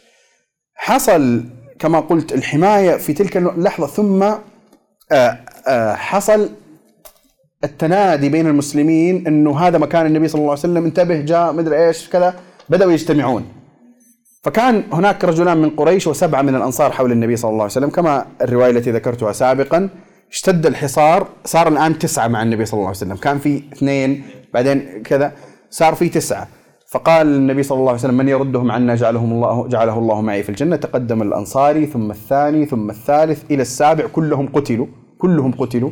فقال النبي صلى الله عليه وسلم لصاحبيه المهاجرين ما أنصفنا أصحابنا بعد ذلك التم بقية أصحاب رسول الله صلى الله عليه وسلم. جاء أبو بكر وعمر وكان من الثابتين لكن كان ممن ممن يقاتل في أنحاء المعركة. ما كانوا يعرفون وين مكان النبي صلى الله عليه وسلم؟ تفطنوا بعد ذلك وجاءوا وجاء الصحابة واجتمعوا عند النبي صلى الله عليه وسلم. لما اجتمعت هذه الكتلة ما استطاع المشركون أن يصلوا للنبي صلى الله عليه وسلم. وأراد أبو سفيان قائد جيش المشركين أن يقف عند هذه النتيجة اللي هي واضح تماما من ناحية الموازين العسكرية أنهم انتصروا. فأراد أبو سفيان أن يقف عند هذا الحد وصعد على كتف من أكتاف جبل أحد. ونادى بأعلى صوته. آه، أفيكم محمد؟ النبي صلى الله عليه وسلم حوله الصحابة الذين اجتمعوا أبو بكر وعمر والصحابه وقال لهم لا تجيبوه. أفيكم ابن أبي قحافة؟ أبو بكر الصديق قال النبي صلى الله عليه وسلم لا تجيبوه. أفيكم من الخطاب؟ لا تجيبوه. طبعا لاحظ أبو سفيان اختار هذول طبعا بعد النبي صلى الله عليه وسلم اختار أبو بكر واختار عمر. يعرف إيش القيمة الكبرى لأبي بكر وعمر. وكأنه يقول إذا غاب النبي صلى الله عليه وسلم فوجود أبي بكر وعمر مشكلة بالنسبة للمشركين. ليس مشكلة من ناحية القتال لا مشكلة من ناحية القيادة الكبرى شخصيات كبرى في في الإسلام. فهو اختارها يعني بعد النبي صلى الله عليه وسلم اختار هذين الشخصين. لما ما أجابهم قال إن هؤلاء القوم قد قتلوا. عمر بن الخطاب ما تحمل. النبي صلى الله عليه وسلم قال له لا تتكلم سوى ما تحمل. إيه لما قال قتلوا قال إن من ذكرت أحياء وقد أبقى الله لك ما يسوءك. فعرف أبو سفيان أنه لا مو صح. ثم أراد أن يغلق المشهد من جهته أبو سفيان فقال أعلو هبل أعلو هبل. يعني هذا المكان الذي يمجد فيه ذلك الصنم الذي برأيه يعني علونا بسببه وعلت كلمتنا. شوف دائما دائما نجد في القرآن أو في الكلام حتى المشهور الحديث كلمة الله هي العليا أه؟ إيش؟ هذا الآن أراد أن تكون كلمته هي العليا. فقال أعلو لاحظ حتى العليا أعلو أعلو هبل أعلو هبل. فقال النبي صلى الله عليه وسلم أجيبوه. قال ما نقول؟ قال الله أعلى وأجل. فصاروا يقولون الله أعلى وأجل. ثم يقول يوم بيوم بدر. ها؟ يوم بيوم بدر. ثم قال آه، فكان من الجواب آه، قتلانا في الجنة وقتلاكم في النار. أو الله مولانا ولا مولى لكم نسيت اللفظ. ثم كان قال أبو سفيان ستجدون في القوم مثلة لم آمر بها ولم تسؤني. يعني حتى ستلقون في أصحابكم أناس مقطعين وكذا ما أمرت بها ولكنها لم تسؤني. ثم تحرك أبو سفيان بالجيش مغادرين إلى مكة. آه سأختم يعني أنا أعرف أني أطلت يعني كثيرا لكن المشهد لا يقبل تجزئة يعني. فسأختم فقط ما حصل بعدين إن شاء الله في اللقاء القادم نأخذ الدروس والعبر المستفادة من هذه القصة. آه لما غادر جيش المشركين أنا أتوقع كذا يعني نبغى نحللها يعني نتخيلها. أنا أتوقع إنه كان في لحظة صمت طويلة جدا. طويلة ليست من ناحية عدد الدقائق ولكنها عميقة خلينا نقول. لحظه صمت عميقه جيد؟ هي ليست مقصودة لكن أنا أتخيل إنه يعني لما انجلى جيش المشركين وخمد الغبار من المكان وتكشف تكشفت ساحة المعركة على قتلى المسلمين وكان النبي صلى الله عليه وسلم قد رأى رؤيا قبل ذلك إنه قال رأيت بقرا تنحر ورأيت ثلمة في سيفي ورأيت درعا حصينة أني أدخلت يدي في درع حصينة. فأول النبي صلى الله عليه وسلم هذه الرؤيا بأن البقر التي تنحر هم أصحابه وأن الثلم في سيفه أنه سيصاب برجل من أهل بيته وأن الدرع الحصينة هي المدينة. آه فكان الذي أصيب به النبي صلى الله عليه وسلم هو حمزة بن عبد المطلب. وكان من أكبر من أصيب به النبي صلى الله عليه وسلم مصعب بن عمير. ومصعب بن عمير لما ذهبوا يأخذون من ما يملك حتى يغطونه ما وجدوا إلا بردة آه، أو نمرة صغيرة. إن غطوا بها رأسه بدت رجلاه وإن غطوا رجلاه بدا رأسه. فقال النبي صلى الله عليه وسلم كما في الحديث الصحيح ضعوا على غطوا رأسه وضعوا على رجليه من الإذخر من عشب أو نبتة. هذا المشهد حق مصعب بن عمير ومصعب بن عمير من السابقين الأولين ومصعب بن عمير ذاق ما ذاقه الصحابة الأوائل ومصعب بن عمير هو الذي نشأ معهم ودخل معهم ودرج معهم وصعد ونزل. كان لذكرى مصعب بن عمير يعني خلينا نقول مكان خاص في نفوس الصحابة بعد ذلك. حصل موقفان أخرجهم البخاري. عبد الرحمن بن عوف أتي مرة بطعام. بعدين يعني بعدين تمام؟ بعد وفاة النبي صلى الله عليه وسلم. كذا تذكر. قال لما شاف الطعام الجميل قال آه قتل مصعب بن عمير وهو خير مني. وهو خير مني. آه غطي بنمرة إن غطي بها رأسه بدت رجلاه وإن غطي رجل رجلاه بدا رأسه ثم بكى وقام وترك الطعام. وخباب اللي كان من السابقين وكان يعذب في مكة ها وكان من. هم كانوا كلهم قليل اللي في مكة جيد؟ ومن الأيام الأولى ذكر مصعب بن عمير أيضا مرة كما في البخاري. فقال هاجرنا مع رسول الله وجاهدنا مع رسول الله أن نطلب أجرنا من الله فمنا من أينعت له ثمرته فهو يهدبها. يعني حصلت ثمرة من ثمرات الدنيا بالنسبة لمسيرنا هذا مع النبي صلى الله عليه وسلم. صار في غنائم وصار في استقرار وفتوحات وكذا فهو يهدبها يجنيها. ومنا من مات لم يأكل من أجره شيئا. منهم مصعب بن عمير. ذكرى مصعب بن عمير بالنسبة لهؤلاء كانت ذكرى كبيرة جدا. ولذلك النبي صلى الله عليه وسلم تألم كثيرا لموت آه، أو لمقتل مصعب رضي الله تعالى عنه. وكذلك حمزة وممن قتل من السابقين الأولين عبد الله بن جحش ومثل به. وممن قتل كذلك من الأنصار من سادات الأنصار وكبارهم والد جابر رضي الله تعالى عنهما.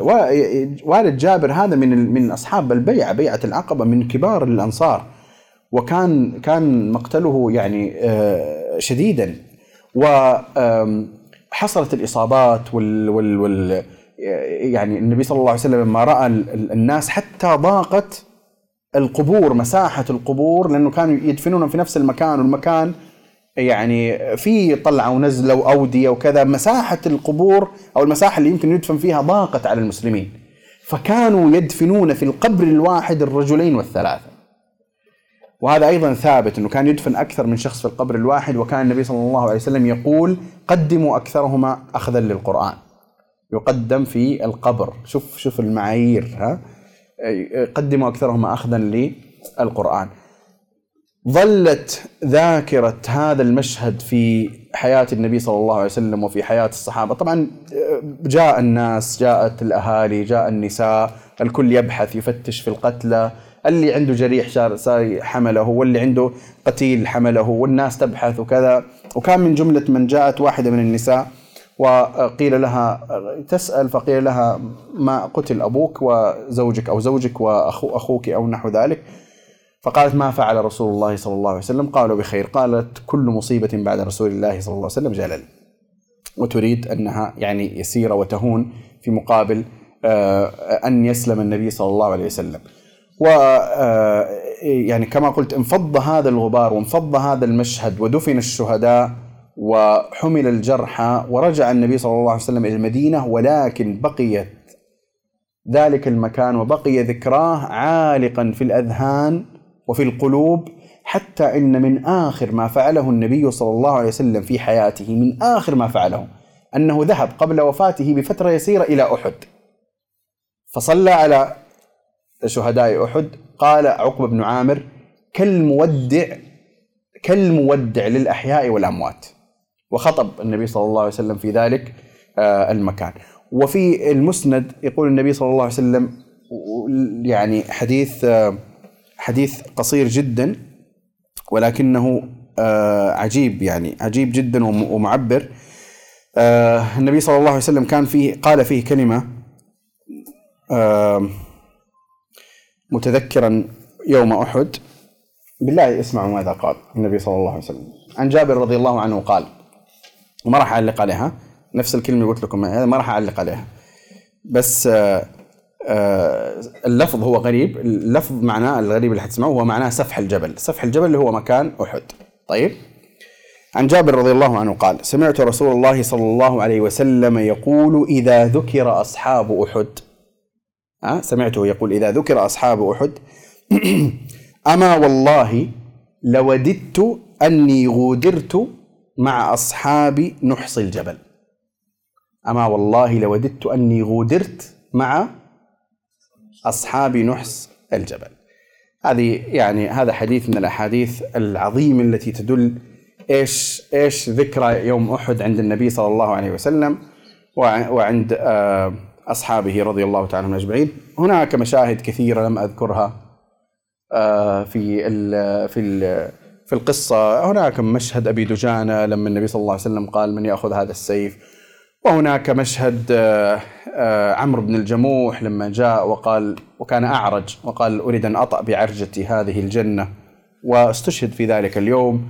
الذي أسلم في ذلك اليوم تأخر إسلامه وأسلم في ذلك اليوم واستشهد ودخل الجنة. هناك مواقف كثيرة حصلت في ذلك اليوم ما بين ذلك الغبار وتلك الأسهم المتطايرة والرماح المتناثرة والسيوف المتشابكة حصلت مواقف كثيرة جدا جدا غير أنك أن ال ال يعني خلينا نقول ما ينبغي أن يسلط عليه الضوء من بين كل تلك المواقف هو الدور الاستبسالي العجيب الذي قام به آه، الصحابة رضوان الله تعالى عليهم حول النبي صلى الله عليه وسلم والذي سبقوا به من بعدهم. سبقوا به من بعدهم. يعني مين الذي حاز هذا الشرف؟ النبي صلى الله عليه وسلم خير خلق الله المبلغ لهذا الدين ها من الذي حاز شرف أن يحامي ويدافع ويحمي ويحفظ حياة النبي صلى الله عليه وسلم ويصاب في سبيل ذلك ويؤذى ويضرب وإلى آخره؟ هذا يعني من الذي يحوز مثل هذا الشرف؟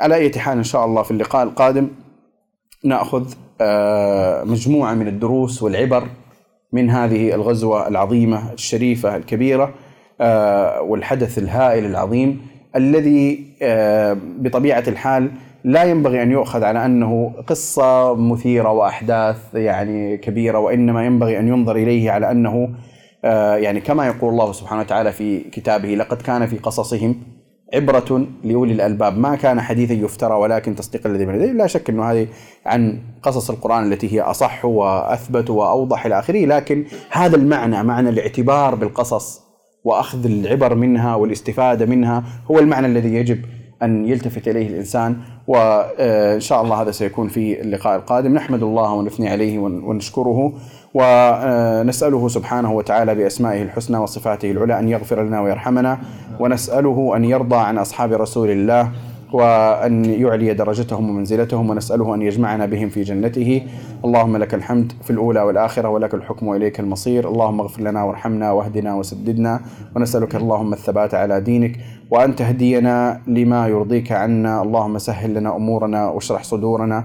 اللهم آتنا في الدنيا حسنة وفي الآخرة حسنة وقنا عذاب النار. اللهم ألف بين قلوبنا واجمع كلمتنا يا رب العالمين وألف بين قلوب المؤمنين واجمع كلمتهم على الحق. اللهم إنا نسألك أن تعز الإسلام وأهله وأن تذل أعداءك أعداء الدين يا رب العالمين. اللهم جنبنا الفتن ما ظهر منها وما بطن. اللهم إنا نسألك العافية. اللهم إنا نسألك العافية. اللهم صل على محمد عبدك ورسولك.